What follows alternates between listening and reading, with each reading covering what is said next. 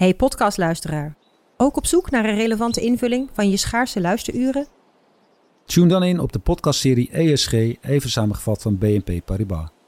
Wij, Marloes en Aldert, spreken daar duurzame voorlopers en wereldverbeteraars. Waarover dan? Nou, bijvoorbeeld of we ooit duurzaam kunnen gaan vliegen. En waarom koeien in de stad nou een goed idee is? Dat en meer elke twee weken in een nieuwe aflevering. Dus abonneer je. ESG, even samengevat.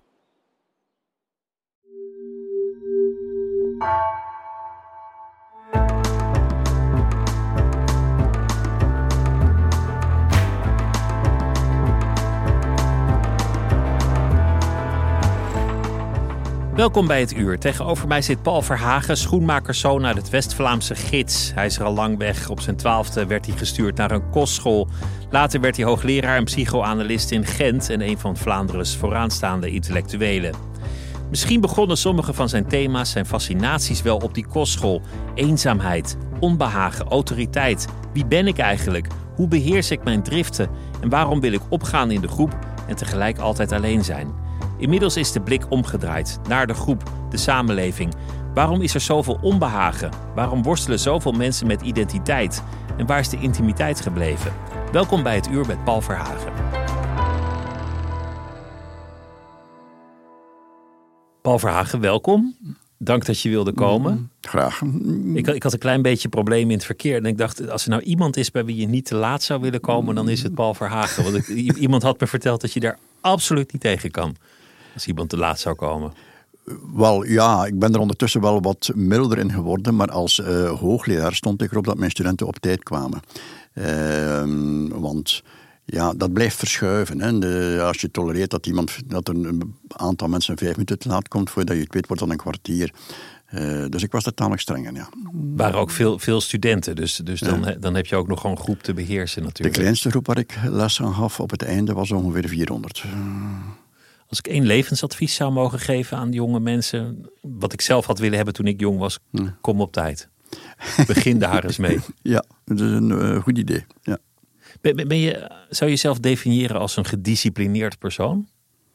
Ja, eigenlijk wel. En ik heb dat waarschijnlijk voor een flink stuk te danken aan uh, mijn internaatsperiode, dus kostschool in, Nederland, in het Nederlands tussen 12 en 18 omdat we toen wel in een heel gedisciplineerde structuur geduwd werden, voornamelijk op vlak van studie en, en onderwijs.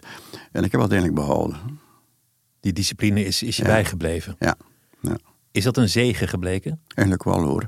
Ik denk dat uh, als we het eventjes klassiek willen kaderen, uh, een van de beste boeken over de manier waarop je je leven kunt inrichten, is nog altijd Aristoteles, de Ethica Nicomachea. Uh, en je legt, is heel, heel, een heel pragmatische filosoof. En je legt het accent op het ontwikkelen van goede gewoontes. En dat zijn gewoon goede gewoontes. Uh, waar je natuurlijk ook op een bepaalde ogenblik van moet kunnen afwijken. Het mag geen rigide structuur worden. Uh, maar als je goede gewoontes hebt, dan mag je er ook van afwijken. Maar goede gewoontes, dat biedt een kader. Dus ja. Uh, nou ja, op een bepaalde tijd opstaan, uh, jezelf goed kleden, um, mm. mensen met twee woorden aanspreken, ja. de buschauffeur begroeten, op tijd komen, et cetera. Dat soort dingen. Het, het, klinkt een beetje zo van, nou ja, die, die internaatsperiode, ik heb er dan tenminste dat dan nog aan overgehouden, maar verder was het er niet zo leuk. Uh, ja, nee. Uiteindelijk zou ik nooit geworden zijn wie ik nu ben zonder die, die scholing hoor. Ik bedoel, ik heb het geluk gehad van uh, als een van de eerste kinderen op die sociale mobiliteitsgolf te kunnen meesurfen. Uh, wij werden getest op de leeftijd van 12, getest op intellectuele vaardigheden. wat eigenlijk vrij nieuw was in die periode. De, de slimmere kinderen in eerste instantie enkel de jongetjes, pas later de meisjes. Eh, die, eh, de ouders van die kinderen kregen te horen dat die beslist uh, middelbaar onderwijs moesten doen. Ik was de eerste van, van mijn familie die daarvoor in aanmerking kwam. Omwille van de sociale afkomst. En eigenlijk, ja, ik kwam op het internaat in contact met leerkrachten die de wereld open maakten. Hè. Ik heb in de Nederlandse benaming gymnasium gedaan. Bij ons heet dat Latijn-Griekse. Ja, zonder dat was ik nooit geworden wie ik nu ben. Aristoteles kwam al meteen langs, dus die, die opleiding... Uh, dat was pas op 17. die blijft je bij. Ja. Maar, maar, maar, je, was, je was een zoon van schoenmakers ja. in, in het West-Vlaamse dorp Gids. Ja. En, en dus eigenlijk was het ook een, een vehikel tot verheffing. Uh, in de betekenis van uh, intellectueel en sociaal, zonder de minste twijfel. Je betaalt er natuurlijk wel een prijs voor, want je, je, je, komt eigenlijk terecht tussen twee werelden, eigenlijk tussen, tussen twee sociale klassen. en dat gaat nooit helemaal weg. Ja dat gevoel is altijd bij je gebleven van. Ja, dat, ondertussen heb ik dat ook bij heel wat uh, leeftijdsgenoten uh, hetzelfde verhaal gehoord. Hè. Dat, dat, kan heel extreme vormen aannemen. Uh, misschien ken je het boek Terugkeer naar Rijms van de Franse filosoof, die eigenlijk beschrijft hoe hij uit de laagste arbeidersklasse, ja, dankzij onderwijs, hoogleraar geworden is in, in, filosofie en eigenlijk internationaal heel bekend geworden is. En heel zijn leven die schaamte gevoeld heeft voor zijn afkomst. Bij mij is het zeker niet zo extreem, laat dat duidelijk wezen. Uh, maar je voelt toch wel. Het is niet, letterlijk niet vanzelfsprekend. Als ik zie hoe mijn ondertussen volwassen kinderen zich bewegen in die sociale wereld, voor hen is dat hun wereld. En bij jou is dat toch altijd hm. niet helemaal natuurlijk Niet helemaal, geworden. nee. nee. Veel van de thema's die, die in het oeuvre terugkeren, die, die lijken wel betrekking te hm. hebben op een internaat. Autoriteit, ja. identiteit, intimiteit. Het, het zijn de mm. vragen van een jonge man op een internaat van wil ik bij de groep horen of mm. wil ik juist alleen zijn? Wat vind ik eigenlijk van dit gezag? Vind ik het mm. prettig of wil ik me er tegen verzetten?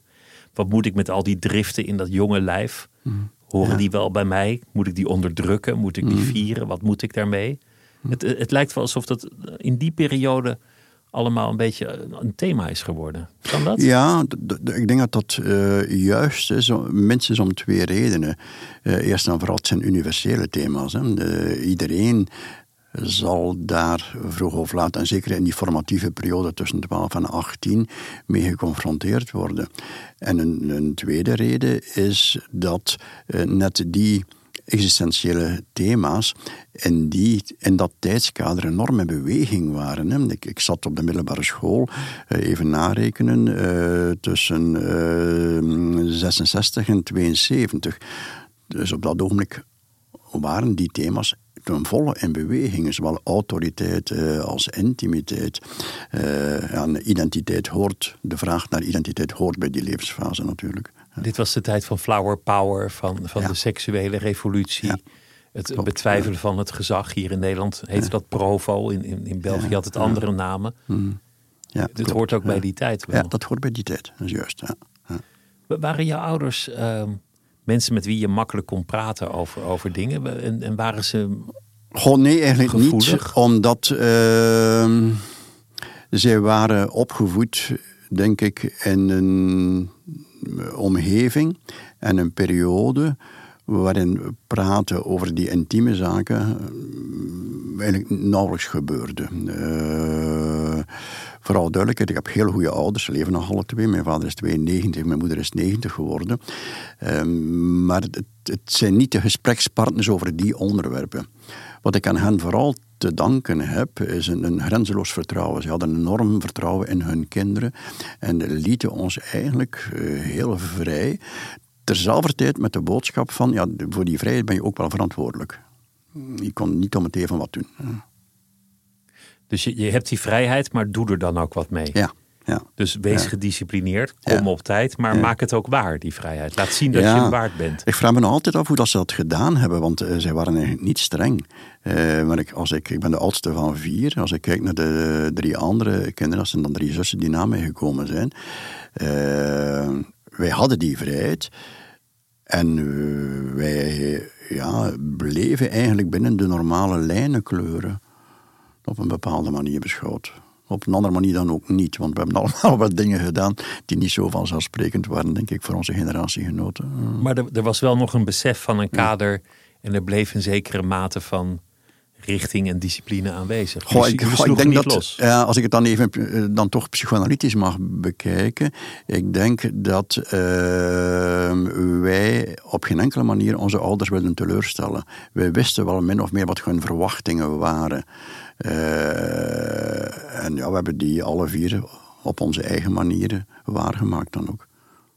Dit, dit is volgens mij precies het verschil tussen autoriteit en gezag. Ja. Bij gezag denk ik aan, je doet dit, anders krijg je een boete, een klap, gevangenisstraf. ontslag. Eh, er zit een sanctie op. Ja, Autoriteit is iets wat je van binnen gaat voelen. Iets waar je naar wilt gedragen. Dat klopt, ja. Klopt. Ja. Dat is een verschil dat vaak niet goed begrepen wordt, heb ik de indruk. Ja, ons tijdskader heeft last met autoriteit. Hè. En, en, en de, de oplossingen die we dan naar voren schuiven, ja, zijn niet altijd de, de beste, denk ik. Het mist de autoriteit. We zouden autoriteit terug moeten vinden.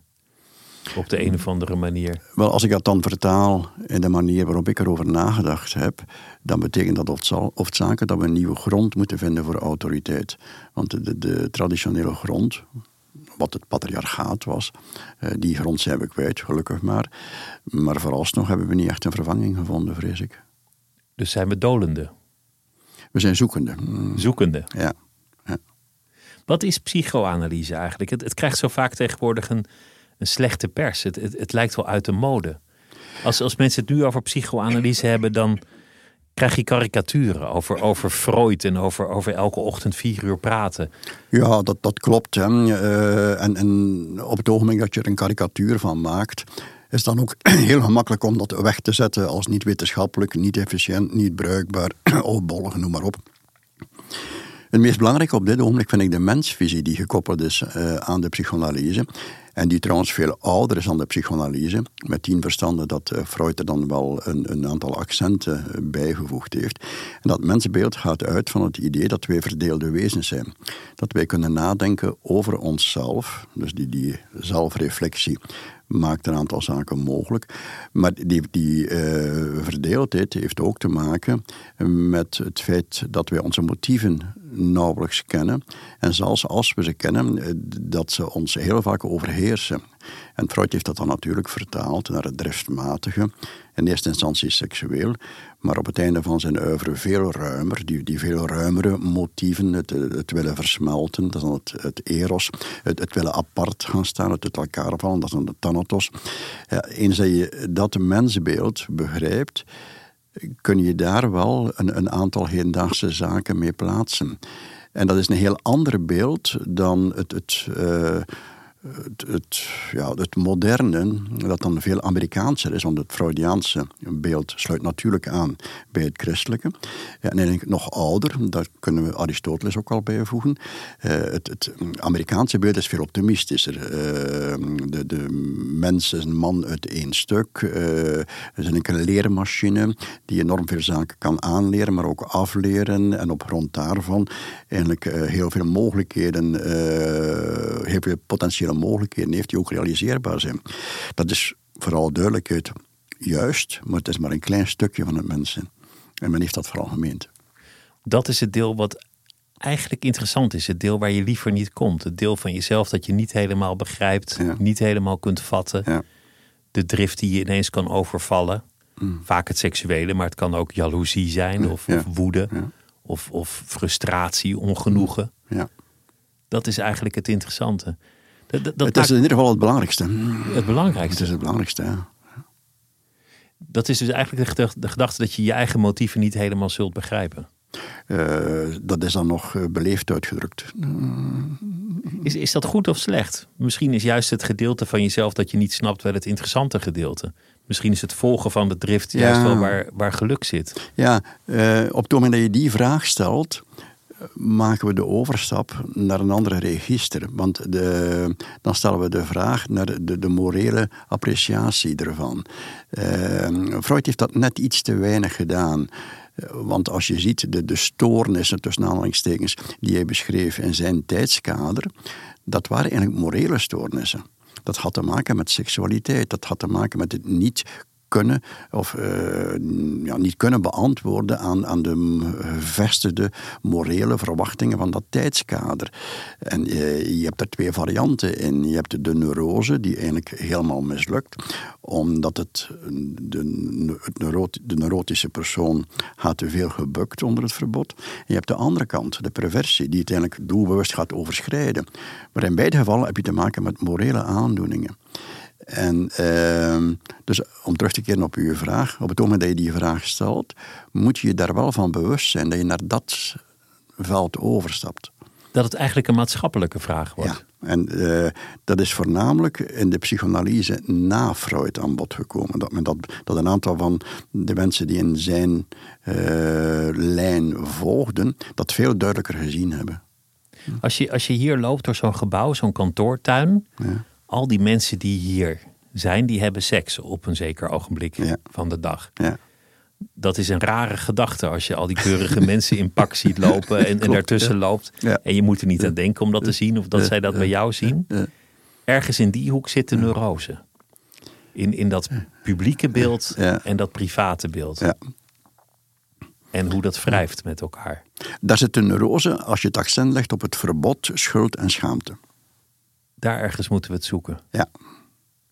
Heb je zelf altijd rationeel geleefd als je terugkijkt op, op, op je leven tot nu toe? Zou, zou je zeggen dat je je mo- eigen motieven hebt begrepen? Ik ben aan, het lachen. Eh, niemand leeft rationeel.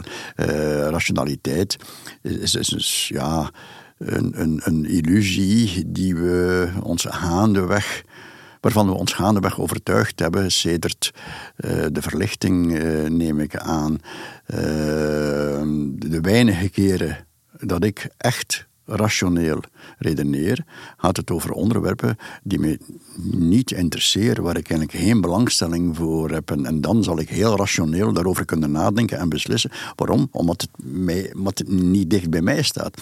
Vanaf het ogenblik dat het gaat over eh, zaken, personen, ideeën, eh, waar ik subjectief bij betrokken ben, vergeet dan maar de rationaliteit, hoor, die is er simpelweg niet. Tussen haakjes, ondertussen is dat ook binnen de hedendaagse empirische psychologie aangetoond. Hè. Dat de beslissingen worden gevoelsmatig genomen. De ratio volgt achteraf, waarmee de hedendaagse psychologie, grappig genoeg, Freud bevestigt. Want dan hebben ze het over rationalisatie. Dat kenden we al. Eh, Dus, dus het, het brein, of hoe je het ook noemt, dat stuurt uiteindelijk een memo van dit is de beslissing geworden. En de rationalisatie, de argumenten volgen wel. Ja, die volgen, klopt. Maar Ja. dat is alleen als het echt belangrijk is. De plek, de plek waar je wilt wonen, degene met wie je je leven wilt doorbrengen, wilt trouwen. Eh, eh, de, de, vraag, nou ja, of, of, je- of je wel of geen gezin wil stichten. Ja, Dat soort wezenlijke beslissingen, die zijn helemaal niet rationeel. nee, nooit. Nee. dat is een illusie. Mm, Het, het is wel interessant dat, dat in de wetenschap de psychoanalyse ervan langs krijgt van het is allemaal niet te bewijzen. Ja. Waar, waar blijven nou eens de statistieken en, de- en de, Ja. de harde data? Maar kan dat eigenlijk wel? Ehm, vanaf een bepaald ogenblik bij de vraagstellingen niet meer. Dat is trouwens iets wat Freud ja, ontdekt heeft. Ik denk dat hij toen 40, 45 was. Wat weinig mensen weten, is dat Freud eigenlijk begonnen is als wat wij vandaag de dag een neuroloog zouden noemen. Dat hij eh, degelijk labo-onderzoek gedaan heeft. Ehm, en dat hij vanaf ja, ook een bepaald ogenblik in, zijn leven een, een klinische praktijk moest opzetten om den broden. Ik kon niet blijven aan de universiteit omwille van het antisemitisme in het Wenen van dat tijdskader. En, ehm, maar hij wou wel zijn academische carrière op een of andere manier verder zetten. Dus hij was enorm geboeid door wat hij in die klinische praktijk met zijn patiënten te horen en te zien kreeg. En hij heeft nog een, een poging gedaan om dat wetenschappelijk te begrijpen volgens de toenmalige regels van de wetenschap.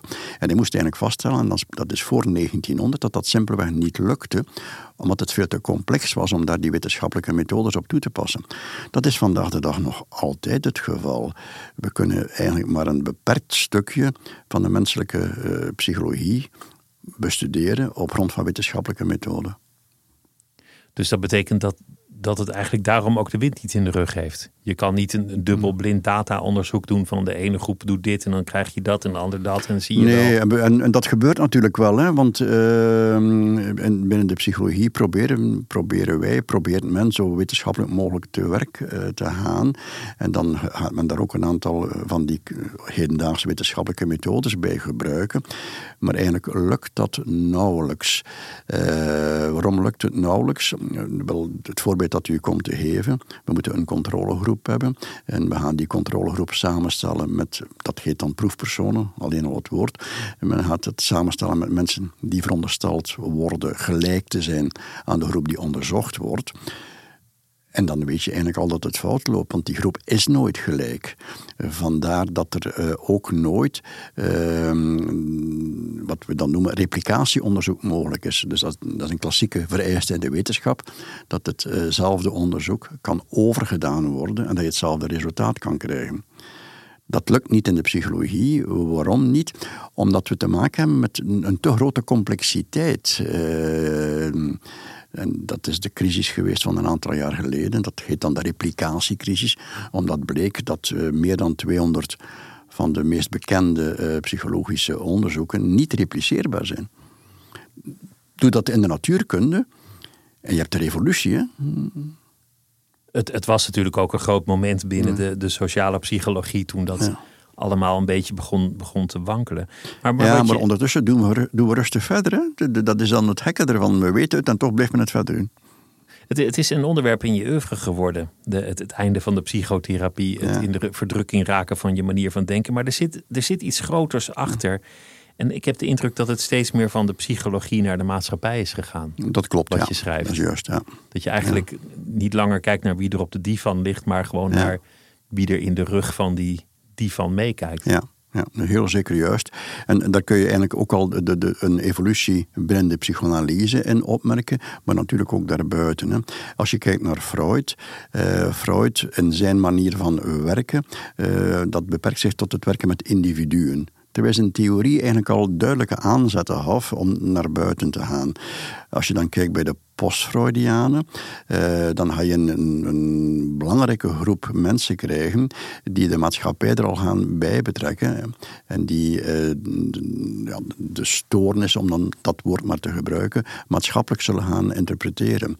En dan krijg je natuurlijk ook de omgekeerde beweging, dat men vanuit dat psychoanalytisch denkkader kritieken gaat formuleren op de maatschappij. En dat is de basis geworden van de Frankfurter Schule, uh, die dan uh, een combinatie gemaakt hebben tussen marxisme, psychoanalyse en sociologie. En daar zijn heel belangrijke figuren en heel belangrijke ideeën uit voortgevloeid. Maar ja, dat waren meestal Joodse wetenschappers. Dan kan je al uh, bedenken wat er met hen gebeurd is in, in 1940. Uh, dus die, nadien, na de Tweede Wereldoorlog, is dat terug een klein beetje uh, van start gegaan. Maar dat heeft nooit meer de envergure gehad als voor 1940. Um, en ja, als je dan naar mijn eigen parcours gaat kijken, Lacan is dan ook, Lacan is de Franse psychoanalyticus die heel belangrijk geweest is in de uh, tweede helft van de vorige eeuw. Die heeft op zijn manier ook voor die uitbreiding gezorgd door eigenlijk de, de mens te gaan beschouwen als een product van een voortdurende interactie eh, met, met de maatschappij, met de taal, met, met wat hij noemt de symbolische orde. En dat is dan, ja, denk ik, voor mij een, een uiterst belangrijke aanzet geweest om dan eens te gaan kijken wat die invullingen eigenlijk inhielden.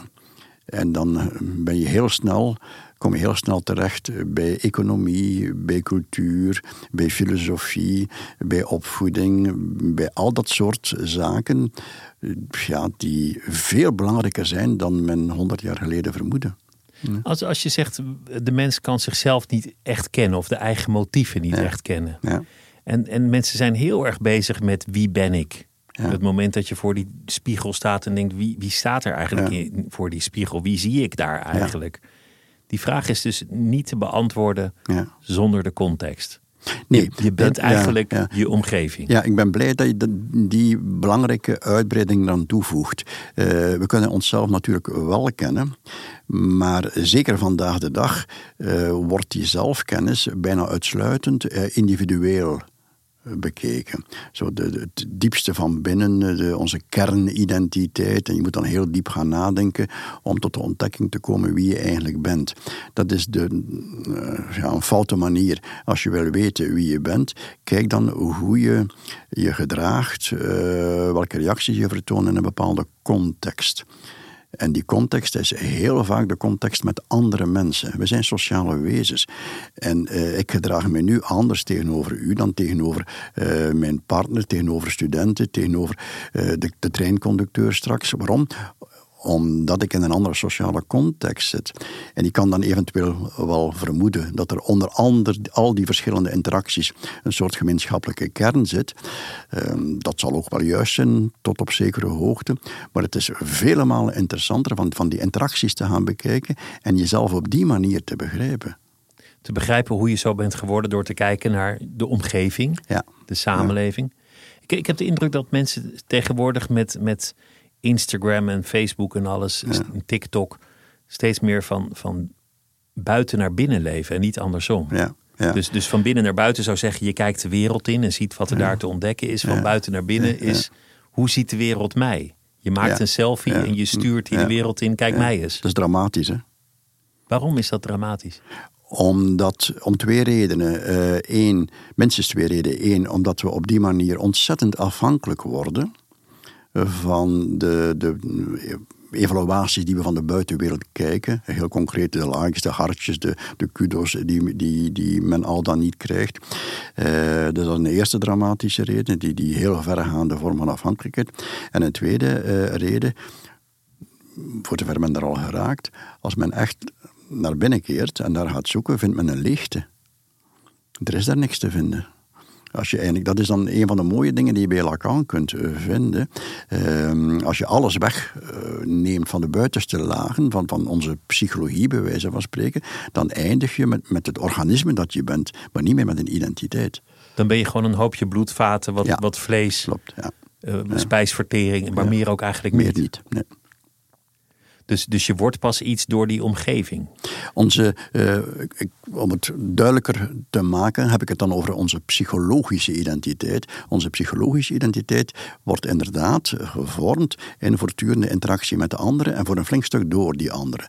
Daaronder schuilt er een organisme met een temperament, met een aantal predisposities. En die zijn natuurlijk reëel, maar dat is geen identiteit. Dat zijn, dat zijn de driften misschien wel. De driften maken er deel van uit, maar uh, dan moet je ook wel in rekening brengen dat de drift een mythisch begrip is. Waarvan Freud zegt van ja goed, het is een grensconcept, uh, uh, grenzen van het somatische en het psychologische. En, en, we begrijpen het niet helemaal goed. Maar het is datgene wat ons drijft. Hmm.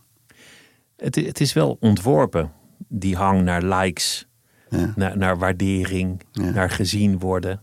Het zijn algoritmen die met maar één doel ontworpen zijn, namelijk heel veel geld verdienen en jou verslaafd maken. Dat klopt. En natuurlijk, er wordt er heel vaak als antwoord op deze kritiek het volgende gezegd. Ja, maar mocht het niet in de mens zitten, dan zou het niet werken. En dat is natuurlijk juist, maar dat is geen reden om die algoritmes goed te keuren. wij zijn sowieso geprogrammeerd alleen al het woord geprogrammeerd. Je ziet hoe ik die metafoor ook overneem. We zijn sowieso geprogrammeerd om eigenlijk te, te willen voldoen aan de verwachtingen van de ander. En zeker aan de verwachtingen van mensen die belangrijk zijn voor ons. En we zijn bereid van er heel ver in te gaan. Maar op het ogenblik dat dat gedigitaliseerd wordt en veralgemeend wordt, dan hebben we echt een probleem. Omdat iemand anders ervan profiteert. Ja, en omdat het compleet uh, buiten de normale interactie gebeurt. Ik heb daar straks verwezen naar uh, mijn verhouding uh, tegenover mijn ouders. samen met mijn zussen. Wij probeerden te voldoen aan de verwachtingen van die ouders. Nu, dat was in ruil voor liefde. Onze ouders hielden van ons, deden ook heel veel voor ons. Er was daar een, een, een heel mooie wisselwerking daartussen. De algoritmes zijn niet gebaseerd op liefde, ze zijn gebaseerd op commercie. Maar je raakt er wel verslaafd aan. Heel snel. Ja, klopt. Het, het geldt eigenlijk voor meer dingen dat je die identiteit laat afhangen door dingen die ontworpen zijn door iemand anders die er geld aan verdient. Dat is vandaag de dag het geval. Hè? Het is een materialistisch aspect vaak. Ja. Status. Ja. Dat hangt daarmee samen. Ja. Hm. Geld is onvoorstelbaar hm. belangrijk geworden. Ja. Hm. Uh, de juiste kleren dragen om bij de juiste groep te horen. Juist. Eigenlijk hebben we, het, hebben we het steeds meer over commercie. Ja, en dat is dan het, het punt wat ik in mijn laatste boeken uh, meer en meer naar voren geschoven heb. En uh, dan gaat het over de vermarkting. Hè. Alles is vermarkt geworden, alles is een product geworden. Wij zijn zelf een product, uh, we zijn ondernemer, consument en product. En heel ons denken is daarvan doordecent op een manier uh, waar we ons niet van bewust zijn. Uh, en het zit ook in ons taalgebruik. En die afhankelijkheid waar we het daar straks over hadden, wordt daardoor nog vele malen groter.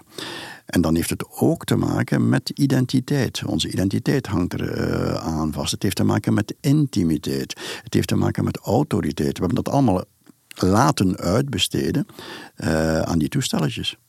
Wat bedoel je met de taal? Kan je daar een voorbeeld van geven? Ja, dat is eigenlijk een, een theorie die je bij een, een aantal auteurs vindt. Dat uh, ons denken en ruimer onze identiteit eigenlijk bepaald wordt door het uh, dominante taalgebruik. Het, taalgebruik dat binnen een, gegeven uh, periode uh, en plaats overal aanwezig is. En we nemen dat over en we identificeren ons daarmee. Ehm, je vindt dat bijvoorbeeld, dat is dan het literaire meest bekende, bij George Orwell. als je maatschappij wil veranderen, moet je de old speak de, het vroegere taalgebruik vervangen door een new speak. En als je dat, die vervanging kunt doorvoeren, dan zullen mensen niet meer in staat zijn van te denken met de vroegere woorden. Uh, en zullen ze ook de denkbeelden die erbij behoren kwijt zijn. En de nieuwe nemen ze over via de Newspeak. Eh, dat is de literatuur. Als je het politiek gaat kijken, een van de eerste die dat naar voren geschoven heeft, is Gramsci. Antonio Gramsci heeft dat geschreven in de gevangenis in Italië. Hij behoorde tot de communistische partij tijdens het interbellum. Hij zelfs in de gevangenis gestorven is, maar dat weet ik nu niet meer zeker. Heeft het begrip culturele hegemonie naar voren geschoven dat eh, eigenlijk een, een volk overheerst wordt door de denkbeelden die via de cultuur langs alle kanten doorgegeven worden. Cultuur in de ruime betekenis van het woord. En dan ja, de, de recentere vormgeving van die twee vind je bij Michel Foucault, die het heeft over de orde van het vertoog, de orde du discours. Uh, en, en hij stelt dat de macht eigenlijk uitgeoefend wordt door het dominante taalgebruik. Heel eenvoudig voorbeeld. Kijk naar de vroegere maatschappij. Vroeger is voor 1950. Dat was een religieuze maatschappij. En uh, in het taalgebruik zaten overal woorden, uitdrukkingen die te maken hadden met religie. En zonder dat we dat beseften. We moesten berouw hebben, we moesten boetedoening doen. We, uh, als je er even op terugblikt, vind je die overal terug. Dat verandert vanaf 1950. Vanaf 1980 krijgen we dan een, stroomversnelling. Het uh, vrije markttaalgebruik. We zijn cliënten, we zijn producenten. Uh, we moeten genieten. We moeten alles en nog wat. We zijn geen burgers meer.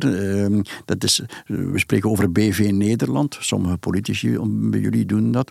Uh, en ja, dit bepaalt onze identiteit zonder dat we het beseffen. Een liefdespartner is een goede partij. Is een goede investering. Een goede investering zelfs. Ja, Je gaat omhoog door de liefdespartner. Ja. Dus, dus eigenlijk hebben we door de taal, mm. ons, dat geeft aan hoe we ons hebben laten gijzelen door een idee. Ja, uh, en natuurlijk, we moeten daar geen kwade genius bij gaan veronderstellen die dat doelbewust geïnstalleerd heeft. Alhoewel dat een aantal groepen, denk ik, er wel doelbewust toe bijgedragen heeft. Maar eigenlijk is dat een, een, een maatschappelijke evolutie. Uh, midden van de jaren 60, 70, daar hebben we het ook al even over gehad hebben wij ons in het Westen bevrijd van het vorige dominante model, dat eigenlijk heel sterk gericht was op conventionaliteit eh, en op groepen. En eh, vanaf de jaren 60, 70 krijgen we een maatschappij waar het individu veel meer vrijheid krijgt, veel meer eh, kansen krijgt om, om zichzelf te ontwikkelen. Wat zonder de minste twijfel een goede zaak geweest is. Maar daarop heeft dat vrije marktdenken zich dan geënt. En dan is het de verkeerde richting uitgaan. Ik vind het wel een enge gedachte dat als je in die spiegel kijkt en probeert jezelf autonoom voor te stellen zonder context, hm. dat er niets overblijft behalve een paar bloedvaten en organen. Dat, dat, dat, dat dat ik, die essentie, er gewoon niet zou zijn. Dat je uiteindelijk een soort gat in kijkt. Uh, maar kijk, dat ik is er wel, hè, maar je, had je zal het niet op die manier vinden. Daarover gaat het. Dus dat is een foute manier om ons ik te vinden door diep van binnen te gaan kijken. Als je uh, je ik wil vinden, moet je kijken naar de interacties met mensen. En moet je ook kijken naar de interactie met jezelf. Hoe verhoud ik mij tegenover mijn lichaam? Daar kan ik een flink stuk van mezelf in terugvinden. Hoe verhoud ik mij tot andere genderen? Hoe verhoud ik mij tot andere mensen? Daar zit mijn ik. Dus het ik is, is geen illusie. Alleen zit het niet diep van binnen vastgebeiteld sedert mijn geboorte. Dat, dat hoe verhoud ik mij tot mijn lichaam? Dat vind ik wel interessant. Ja, hoe, dat is de basis. Hè? Hoe moet je dat zien? Je, je, je, je komt uit de douche op een onbewaakt moment en Ja. je, je, je kijkt in een spiegel Ja. die iemand daar heeft gehangen, Ja, die ineens niet beslagen is. En je denkt, ja, oh, ik moet toch weer eens naar de sportschool. ja. Bijvoorbeeld. Maar Ik noem maar wat. Ja, nee, nee, je noemt niet zomaar wat. Je noemt iets wat heel eigentijds is, heel hedendaags is. Want eh, als je reactie op het spiegelbeeld is van, oh, ik moet naar de sportschool, dan betekent het dat je heel sterk kijkt door de hedendaagse blik die van het lichaam eh, perfectie eist. Eh, je moet ook eeuwig jong blijven. En je moet dus proberen op een of andere manier aan die criteria te beantwoorden. En dan ben je eigenlijk op dat ogenblik al binnen wat mijn invulling van het woordje vervreemding is. Want je, gaat je vervreemden aan die verwachting. Een tweede mogelijkheid is het volgende. Dus je, je kijkt in die spiegel, je eerste idee is van ja, ik kan toch best wel eens eh, terug de sportschool oppakken. Eh, maar een volgende idee kan zijn van ja, maar wil ik dit eigenlijk zelf? Eh, voor wie doe ik dit? Eh, zal mij dit op een of andere manier helpen? Want het kan zijn dat je daar zelf ook wel baat bij hebt in, in die intieme verhouding tegenover je eigen lichaam. Maar dan kan je erover nadenken. Ben ik dat zelf of heb ik een ideaal geïnternaliseerd dat via Ja. de bladen of, of het web Ja. tot mij is gekomen? Ja. Wie spreekt er nu eigenlijk? Ja. Over wie hebben we het? En dan kun je heel sterk nadenken over die heel belangrijke verhouding, en dat is een onderdeel van ons ego, die heel belangrijke verhouding tegenover ons eigen lichaam. Voor wie doe ik het? Zou ik het wel doen? Op welke manier ga ik het doen? Je, je hebt het over het ego. Het ego Ja. dat klinkt meteen alsof, alsof het allemaal toch weer om dat zelf gaat. Alsof wij een soort organismen zijn, eenzaam, zonder samenhang, die, die maar Ja. bezig zijn met zichzelf te verbeteren. Ja, en dat is weer die hedendaagse misvatting, hè? Eh, die eigenlijk vandaag heel extreme vormen aanneemt, waar, waarbij het ego eh, beschouwd wordt, het ik, eh, als iets dat losstaat van de wereld, dat op zichzelf functioneert, autonoom, dat ook in staat is om, om eigen keuzes te maken. En dan kom je bij dat moderne mensbeeld, het, de mens als leermachine, die mits de juiste trainingen en de juiste eh, omgeving zichzelf kan, kan vormgeven. Dat is een illusie die gevaarlijk is. Want het, het, het, het, het zadelt ons op met een enorm schuldgevoel en met die leegte. Met die twee, we hebben het daar straks al er al even over gehad. Het ego bestaat alleen maar in verbinding met anderen. Kan, kan ik daar ook uit afleiden dat de zin van het bestaan gewoon zit in die anderen? Dat het uiteindelijk gaat om wie jou dierbaar zijn? ja. Dat, dat vind ik een heel mooi voorbeeld, de vraag naar de zinverlening. Omdat eh, dat ook toelaat van eh, die evolutie, die maatschappelijke evolutie eh, op te merken. En te zien hoe op een bepaalde ogenblik een foute oplossing daarvoor geschoven werd. Goed, eh, even hernemen. Tot pakweg 1960 werd de vraag naar zinverlening nauwelijks gesteld. Waarom? Hadden een heel conventionele maatschappij, heel sterk religieus. Dus de zingeving werd met de paplepel meegegeven. En u kon daarvoor of tegen zijn, maar sowieso, je had ze. Vanaf 1960, 1970 krijgen we die bevrijding. Eh, eh, komt het individu naar voren. eh, verdwijnen de traditionele zinverleningssystemen. En op een bepaald ogenblik staren we eigenlijk in de leegte. Eh, want want het, de vroegere zinverlening is weg en, en er is geen nieuwe. En dan komt het antwoord. Het antwoord is, je moet zelf je eigen leven zin geven. Dat wordt dan een soort nieuwe opdracht. Eh, ik denk vanaf eind van de jaren negentig dat, dat iedereen de opdracht krijgt om, om zijn eigen leven zin te geven. En dan is het antwoord genieten.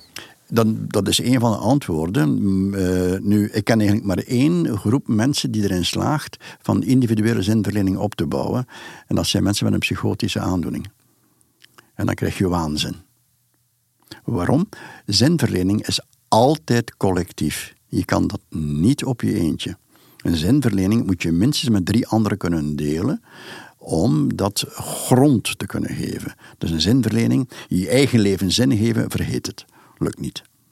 Dus daar komt ook in zekere zin die autoriteit om de hoek kijken. Ja, klopt. Ja. Dat, dat er... De grond van uh, ons, onze aannames. Iets is waar je naar leeft, een, een ideaal dat je deelt. Ja. Wat, wat, houdt jou s'nachts wakker? Of ja, je bent vast een goede slaper, maar, maar, maar, als, je, als je ligt te tobben, waar, waar gaat het dan over? Um, gelukkig ben ik inderdaad een goede slaper. Dat, dat klopt wel. Uh, mocht ik al wakker liggen, dan denk ik, zou ik nu heel veel nadenken, ben ik trouwens overdag mee bezig, met het vraagstuk van energie. Omdat dit zo allesomvattend is. En uh, omdat het ook zo actueel is, omwille van de, de, klimaatverandering. Maar het is veel ruimer dan de klimaatverandering hoor. Um, dat is mijn nieuwste studieonderwerp, waar ik al ondertussen toch een kleine twee jaar mee bezig ben. En heel veel bijgeleerd. Uh, en terzelfde tijd word je geconfronteerd met de complexiteit uh, ervan. Het, alles is energie. En uh, de productie van energie en de positieve effecten daarvan de voorbije twee eeuwen zijn fenomenaal. Maar vandaag de dag worden we geconfronteerd met de keerzijde ervan. En hoe we dat gaan aanpakken, dat is nog alles behalve duidelijk. Er zijn, er zijn twee dingen aan de hand met jonge mensen. Ze, ze hebben een druk op zichzelf gelegd. Ja. Dat komt doordat ze willen voldoen aan een plaatje. Weer even, ja, weer even een kleine correctie. Ze hebben een druk op zichzelf gelegd eh, via de anderen. Via die ander, via dat geïnternaliseerde ideaal. Ja. Dus, dus je leeft van buiten naar binnen. Je maakt een plaatje. Je wil voldoen aan wat anderen willen zien. Dat is een constante druk. En op een dag kan je het niet zelf waarmaken. Ja. En dan, dan komt er een crisis. Ja, en dat komt steeds vroeger. Vandaag de dag. 30 jaar zoiets? Nee, 18, 17. 18 al, 17? Ja, ja, De cijfers van uh, jullie onderzoeksinstituut, het uh, Trimbos Instituut, zijn, daar, uh, zijn wat dat betreft uh, vrij duidelijk. En dan weet je niet meer wie je bent vanaf dat moment, want je kan niet meer voldoen aan dat plaatje. Ja, en op die leeftijd is dat natuurlijk al inherent aan die leeftijd. Hè. Dan vraag je af wie je bent, waar je naartoe wil. En dan krijg je die, die ideale plaatjes voorgehouden. En, en steeds meer jonge mensen beseffen dat ze daar nooit aan, aan zullen kunnen voldoen. En ja, dan zal je maar 17 zijn. Dan is het gevoel dat je hebt gefaald ja. als ja. mens. Ja. En een ander ding is die, die klimaatcrisis die een enorme somberte op nieuwe generaties legt. Ja. De toekomst is niet meer zoals de jaren zestig maakbaar of veelbelovend. Er is geen new frontier. Ja. Er is een gevoel van crisis, een afgrond waar we op af aan het denderen zijn. Ja. Ja, uh, een landgenote van u, Lisa Doeland, heeft een, een boek gepubliceerd recent, uh, waarin ze dat laatste corrigeert. Hè. We, gaan niet af op die afgrond, we zitten er al te volle in. En ze heeft gelijk. De, maatschappij zoals wij die gekend hebben, die is voorbij. En het wordt stilletjes aan tijd dat we dat beseffen en dat we heel hard gaan nadenken over hoe we die nieuwe maatschappij zullen vormgeven. Want ja, het vorige is echt voorbij. Hmm. Zit daar ook hoop in? Als, als identiteit ligt in de ander en er is een collectieve ja. noodzaak, dan, dan, dan zou daar misschien ja. ook wel een, een soort perspectief ja. kunnen gloren. Een gemeenschappelijke opdracht. Dat is het alleszins. Hè? Het wordt zeker een gemeenschappelijke opdracht, omdat dit een mondiaal probleem is. En in die zin kan dit ook zorgen voor een nieuwe zingeving. Uh, want als je een, een groep in, in, uh, op een goede basis uh, wil vormen, dan is de beste manier het, het, het, hebben van een gemeenschappelijk doel op grond van een gemeenschappelijk probleem. De minder goede manier om een groep te vormen is de creatie van een gemeenschappelijke vijand. Dat liever niet. Uh, dus dit, dit, is, dit zou dus de, de, de, positieve keerzijde kunnen zijn van de situatie waarin wij ons nu bevinden. Dus we zijn gegaan van de ouderwetse samenleving waarin een toch ja. min of meer religieus ideaal ja. alles dreef die autoriteit is weggevallen. Toen kwam ja. de samenleving waarin het gewoon ging om het, om het zelf. Het voor jezelf leuk maken. Ja. Eigenlijk een economisch ideaal. Ja. En nu moeten we naar... Dat heeft afgedaan. Die dat samenleving afgedaan, is voorbij. Klopt, ja. Het wachten is op het volgende model. Ja, wel wachten. Uh, ik denk niet dat we nog veel tijd hebben om te wachten. Ik denk dat we er best uh, te volle uh, aan werken. Nu nog even over die maatschappij of over die samenleving die voorbij is.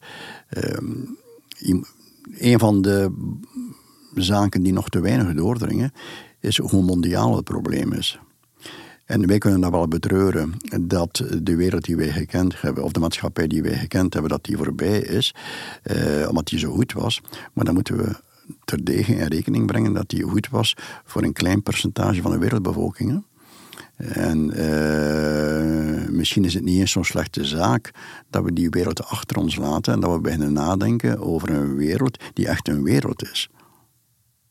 Want, want nu wordt het heel lastig als je naar een, een, land als Zaire toe moet en gaan zeggen: jullie mogen je niet ontwikkelen zoals wij dat hebben gedaan. Jullie moeten die opkomende industrie afkappen. Dat kan je eigenlijk niet maken. Dat is een, een, een, eh, een voortzetting eh, van het kolonialisme. als wij dat gaan doen en dat gaan opleggen aan die landen, ja, dat getuigt van een verregaande vorm van arrogantie, die we eigenlijk al een paar eeuwen hebben in het Westen. Is het niet een, een psychologische uh, wijsheid dat crisis altijd vooraf moet gaan aan gedragsverandering? Dat je altijd door een crisis heen moet. Het is in ieder geval een psychologische ervaring. Uh, verandering komt er alleen maar na crisis, dat klopt. Dat, is, dat geldt voor het individu en dat geldt eigenlijk ook voor maatschappijen. En dat zie je ook weer, hoe beperkt de kracht van ratio is. Hè? Want wat wij nu meemaken, weten we al 40 jaar minstens. En sommigen wisten het al langer. Uh, maar dat drong niet door. Uh, ik denk dat we nog een paar rampen zullen nodig hebben vooraleer het mondiaal doordringt. Uh, een aantal rampen, liefst in het Westen, om ons eigenlijk met de neus op de feiten te drukken. En dan komt de verandering er wel. In jouw wetenschappelijke carrière vind ik het interessant dat je, dat je van Freud en het ik en het individu uiteindelijk terechtkomt op neoliberalisme, ja. een kijk op de samenleving, op koloniaal denken, op klimaatverandering. Ja. Het, het, het, het is eigenlijk alleen maar groter geworden. Het is alleen maar groter en complexer geworden, dat is juist. Ja. Dat is niet hoe de wetenschap meestal werkt. Meestal gaat het van, mhm. van moleculen naar atomen, naar deeltjes en nog kleiner. Ja, en dat is op zich niet verkeerd. Hè? Dat heeft ons ook heel veel uh, kennis en, en, en, praktische toepassingen die daarbij aansluiten opgeleverd. Dus dat moeten we beslist niet afbouwen. Maar het zou wel mooi zijn mocht er wat meer evenwicht zitten en mochten de opleidingen en de universiteiten ook aandacht hebben voor uh, die, die uh, allesomvattende complexiteit en we hebben het daar straks in het voorgesprek even kort over gehad. Ik vind het een, uh, jammer dat in de basisjaren van de universiteit, wat vandaag de dag de bachelorjaren heet, dat daar niet veel meer accent gelegd wordt op die algemene vorming. En dat men dan pas vanaf de masterjaren naar dat specifieke zou gaan. Want dat specifieke, ja, dat krijgt alleen maar zijn waarde in functie van het algemene. Maar dat kent men nog nauwelijks. En dat is jammer. Mensen specialiseren zoveel dat ze het hele plaatje niet meer kunnen overzien. Ze kunnen, ze kunnen dat ook niet. Hè? Dat, dat lukt niet meer. Ja. Het is sowieso moeilijk als je 18 bent om iets van psychoanalyse te leren. Dat geldt voor de menswetenschappen in, in de totaliteit. Hè. Uh, veel van de zaken uh, binnen de menswetenschappen kan je pas begrijpen als je voorbij de 30 bent. Uh, als je al wat zelf levenservaring hebt en wat meegemaakt hebt. In de positieve wetenschappen is het omgekeerd. Wiskunde, fysica, scheikunde. Hoe jonger, hoe beter. Mm. Want dan is dat brein nog lekker goed. Ja, het moet inderdaad te maken hebben met de hersenen. Dat is juist. Ja. Want het is zo algemeen. We hadden het over, over je eigen vakgebied, psychoanalyse, dat op een gegeven moment in de verdrukking kwam in de wetenschappelijke wereld. Er, zit natuurlijk ook daar een soort neoliberalisme wat erin is geslopen. Alles moest tastbaar, meetbaar, rendabel. Je moest laten zien wat de toepassing ervan was. Wat kunnen we hier als maatschappij mee? Heeft het economisch nut? De New Speak waar je het over had, die is ook in wetenschappelijke kringen enorm stellig geworden. Ja. Je kan eigenlijk zeggen dat dat vehikel van waarheidsvinding dat de wetenschap is, ook gekaapt is door dat ideaal. Helaas, dat is juist. En dat zien we nu, of dat hebben we de voorbije jaren heel pijnlijk moeten vaststellen. Met de complottheorieën die opgang gemaakt hebben tijdens de COVID-pandemie. Ja, dat was voor mij eigenlijk wel een verrassing hoe snel dat dat kon. Dat eigenlijk eh, zelfs hoogopgeleide mensen in die valkuil trapten. Ehm, dat is denk ik gevaarlijk. Als je een goede spreker hebt met, met een klinkend verhaal, ook al is het onzin, ja. kan dat toch heel verleidelijk zijn als het makkelijke antwoorden geeft. Je mag het zelfs sterker uitdrukken dan dat. Als je geen goede spreker hebt die een verhaal overtuigend brengt, dan wordt het verhaal niet gehoord. Dus we zijn makkelijk te verleiden. We zijn zeer makkelijk te verleiden en zeker in groep. Want ook daar weer, ehm, en daar is de pandemie ja, bij uitstek een, een illustratie van hoe dat mensen die ja, geconfronteerd werden. Iedereen van ons werd geconfronteerd met vragen waar we geen antwoord op wisten. Rond die besmetting, rond dood, rond uh, van alles en nog wat. En bovendien zaten we geïsoleerd. Want uh, we mochten of we konden niet bij de anderen gaan. Dat is natuurlijk een, een, perfecte voedingsbode om op dat ogenblik mm, digitaal via het net uh, op, op zoek te gaan naar kennis. En dan ja, zijn heel veel mensen in de valkuil van de sociale media gevallen, waar die complottheorieën ophang maakten. Omdat er, zeker in die aanvangsperiode, was het ontzettend moeilijk om degelijke wetenschappelijke informatie te vinden. Ik had het privilege van uh, in die eerste zes maanden af en toe te kunnen meewerken met de medische onderzoekers van het Universitair Ziekenhuis in Gent, zowel epidemiologen als longspecialisten. En die vertelden mij letterlijk van, we weten niet wat er ons overkomt, we kennen dit niet, uh, we hebben geen antwoorden, we zijn aan het zoeken, we zijn aan het. En dat is natuurlijk ondraaglijk. En op het net vond je heel snel wel antwoorden. Want het was een gloednieuw virus, dus er was ook nog helemaal geen onderzoek dat je kon citeren of, of, of wat dan ook. En mensen zijn niet gemaakt om alleen te zijn, dus ze waren ook vervreemd van zichzelf. We, we hadden het over autoriteit. Ja. Dat is wel interessant. De generatie van, van de jaren zestig, die Mm. gooide het oude gezag de deur uit met goede redenen. Ja, Maar heeft, heeft misschien ook wel het kind met het badwater weggegooid. Ehm, de fout die vandaag de dag nog altijd gemaakt wordt, is dat we autoriteiten als synoniem beschouwen met patriarchale autoriteit. En niemand, denk ik, we- ja, niemand, de, de grote meerderheid van de mensen wil die patriarchale autoriteit niet terug. Maar door het feit dat men dat als synoniem beschouwt, wil men dan autoriteit niet meer terug. En dat is een misvatting. Eh, dat kan je zelfs biologisch argumenteren. Wij behoren tot de sociale zoogdieren. En sociale zoogdieren hebben een hiërarchie nodig. En een hiërarchie betekent dat er daarbinnen eh, lagen van autoriteit eh, zijn. Daarzonder functioneer je in een chaos en dat is geen goed idee. De gemiste kans is dat we eh, de autoriteit niet gaan gronden zijn op een eh, meer horizontaal niveau. Terwijl dit nu wel aanwezig is in de nieuwe leiderschapstheorieën. Dat, eh, men gaat uit van het idee van coachend leiderschap, van participatief leiderschap. En dat werkt wel. En merkwaardig genoeg leunt dat vrij dicht aan bij wat we kunnen opmerken bij eh, sociale zoogdieren zoals primaten. Jullie eigenste Frans de Waal heeft dat grondig bestudeerd en toont eigenlijk aan dat de alpha-mail bij eh, de mensenapen, dat is niet de dictator die alles eh, van bovenaf dirigeert. Nee, dat is een onderhandelaar die voortdurend ervoor moet zorgen dat hij verschillende fracties te vriend houdt, die ervoor moet zorgen dat er een billijke verdeling is, dat er rechtvaardigheid heerst. En op het ogenblik dat hij dat niet meer kan, ja, dan verdwijnt. Frans de Waal die zegt, zegt eigenlijk samenwerken is de natuurlijke aard van de primaten. Dus waarschijnlijk ook van de mens. Ja, klopt. Niet zoals in ons systeem vaak wordt gezegd, we zijn allemaal concurrenten van elkaar. Ja, Of, of we willen hoger op ten opzichte van de ander. ja.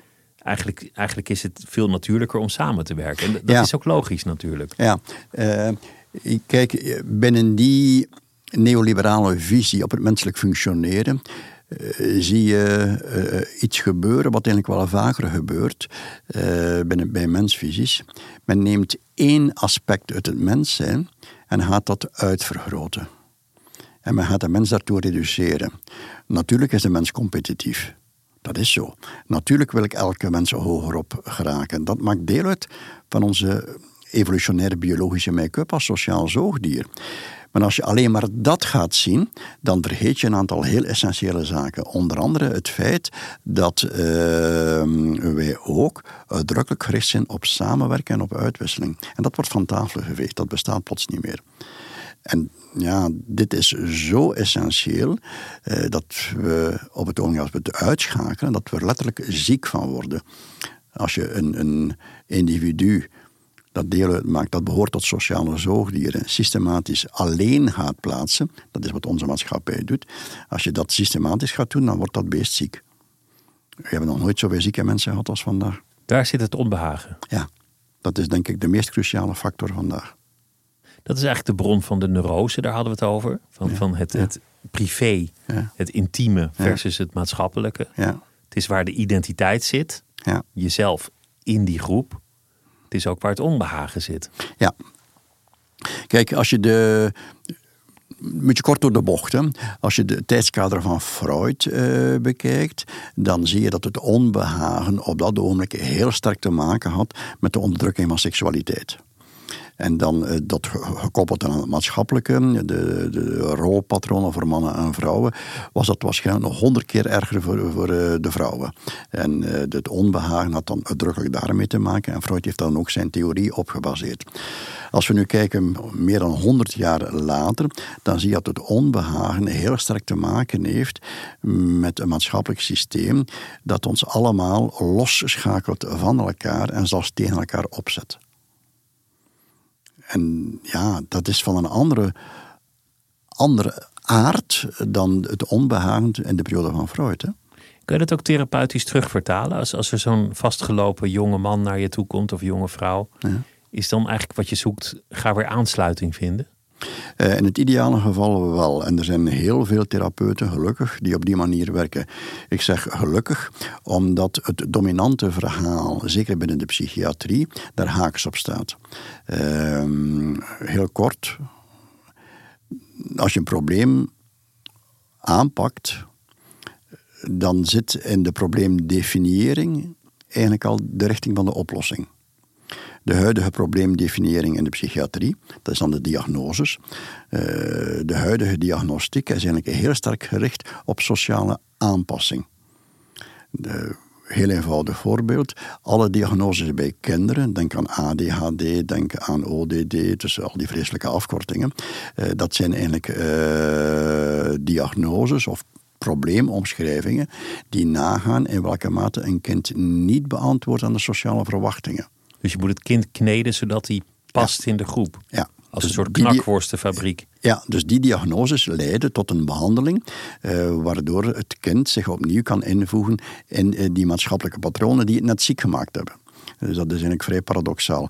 Voor alle duidelijkheid, heel veel therapeuten werken niet op die manier. En ik zie bij mijn eh, afgestudeerde eh, studenten, die ondertussen al ook 30, 40 zijn, eh, uitdrukkelijk een, een, een, het ontstaan van ja, samenwerking met lichaamsgerichte behandelingen, met sociaal gerichte eh, behandelingen in combinatie met psychotherapie. Wat eigenlijk het meest voor de hand liggende is. We moeten biopsychosociaal werken. Dus ik ga het medische niet gaan verketteren en zeggen, want dat is allemaal niet biologisch. Natuurlijk is het ook biologisch. Ook, niet uitsluitend. Maar het is ook sociaal. En dat leuk willen we wel eens vergeten, zeker vandaag. En het is ook psychologisch. Dus je moet die drie aspecten aan bod laten komen, zeker bij iemand van 18. Het is complexer, maar complexer dat Ja. kost geld, kost tijd en is daarom Ja. niet populair. Ja, maar daar zie je dan, dat, dan kun je dat natuurlijk ook als voorbeeld geven van een korte termijn denken. Op korte termijn kost dat veel meer geld. Op lange termijn is het kostenbesparend, want eh, met die eh, korte termijn visie zal je eigenlijk ervoor zorgen dat de problemen gewoon langer aanslepen. En dat zal alleen maar groter worden. Dat is eigenlijk heel mooi eh, becijferd, letterlijk becijferd door Duitse zorgverzekeraars, eh, die op een bepaald ogenblik de vergelijking wilden maken, puur op vlak van kostprijs, tussen een kortdurende psychotherapie, die meestal heel evidence-based waren, en eh, langdurende, eh, langlopende psychotherapieën, vaak psychodynamisch eh, van aard, minder evidence-based. Wat bleek? De langdurige psychotherapieën zijn veel goedkoper. Nog één laatste vraag. Als, je, als je terugkomt in, in Gids West-Vlaanderen, Ja. zoon van de schoenmaker, je ouders die leven nog, wonen ze ook nog daar? Ja, klopt. Ja. Wat denk je dan? Wat voel je als je daar naar binnen rijdt? Goh, eh, een soort nostalgie. eh, ook al omdat het dorp waar ik opgegroeid ben, bestaat niet meer. De, dit is op, ik ben daar eigenlijk vertrokken op de leeftijd van 12. Ja, ik was natuurlijk nog Duits tijdens de weekend, maar dan op 18 naar de universiteit. Dus als we eventjes rekenen, dat is ondertussen 50 jaar geleden, meer dan 50 jaar geleden. Op 50 jaar is die wereld zo veranderd dat je dat eigenlijk niet meer herkent. We hebben het gehad over taal. Dat is een heel mooie illustratie daarvan. Uh, ik ben natuurlijk opgegroeid in dialect. Uh, dat was toen algemeen. Niet alleen in mijn sociale klasse, maar dat was algemeen. Uh, op mijn 18 ga ik naar de universiteit. En dan, ja, binnen die wereld schakel je over naar algemeen Nederlands. Ik, ik heb er ook een punt van gemaakt om dat zo correct mogelijk te spreken. En, maar natuurlijk mijn dialect ben ik niet vergeten. En als ik vandaag terugkeer naar mijn dorp en met mijn ouders het dialect spreek, en met uh, een aantal van mijn zussen, want zij, zij spreken nog het, dialect, dan lachen die zich te pletter. De taal die ik gebruik bestaat niet meer. Hun dialect is mee geëvolueerd en is een soort tussen-Nederlands geworden, tussen het, het oorspronkelijke dialect en het algemeen Nederlands. Dus je ziet hoe dat, dat zelfs daar zichtbaar is. Dus je hebt je losgemaakt, je bent er vandaan gegaan, je bent iemand anders geworden. Ja. Deels door jezelf, maar ook door de kringen waarin je kwam. Maar iets klopt nog steeds met wie je ooit was, al bestaat het niet meer. Het dorp bestaat ook niet meer. Nee, uh, je wordt eigenlijk geconfronteerd met herinneringen. Hè? Dat is wat er gebeurt. Ja. ja. En wat, wat, wat is die eerste herinnering die dan bij je binnenschiet? Goh, eh, de allereerste, maar dat heeft waarschijnlijk te maken met de eh, leeftijdsperiode waarin ik mij nu bevind. Dat is mijn grootmoeder, die uh, letterlijk zes huizen verder woonde.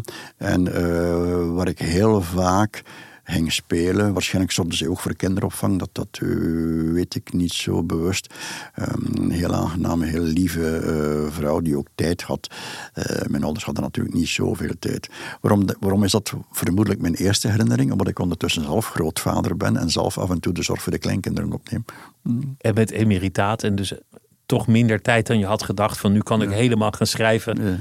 Valt tegen in praktijk waarschijnlijk. Goh, tegen niet echt. Eh, het is dan ook weer een confrontatie met, uh, een, een, ja, met jezelf uiteindelijk. Hè? Want ik heb nu de vrijheid. Dat is zeker juist. En uh, wat blijkt, mijn agenda blijft te vol. En daar beslis ik zelf over. Dus je ziet hoe je, dat dan, hoe je dan geconfronteerd wordt met de eigen keuzes, waarvan dat je af en toe denkt van ja, maar waarom heb ik dat nu eigenlijk zo laten vollopen? ja. Dankjewel dat je te gast wilde zijn. Het was een, een groot genoeg om je te spreken. Hartelijk dank. Mm. En dat was het uur voor deze week. Volgende week is er een nieuwe aflevering. Het uur wordt gemaakt door Mira Zeehandelaar, productie Claire van der Woude, Celine Cornelis en mijn naam is Pieter van der Wielen. Tot volgende week.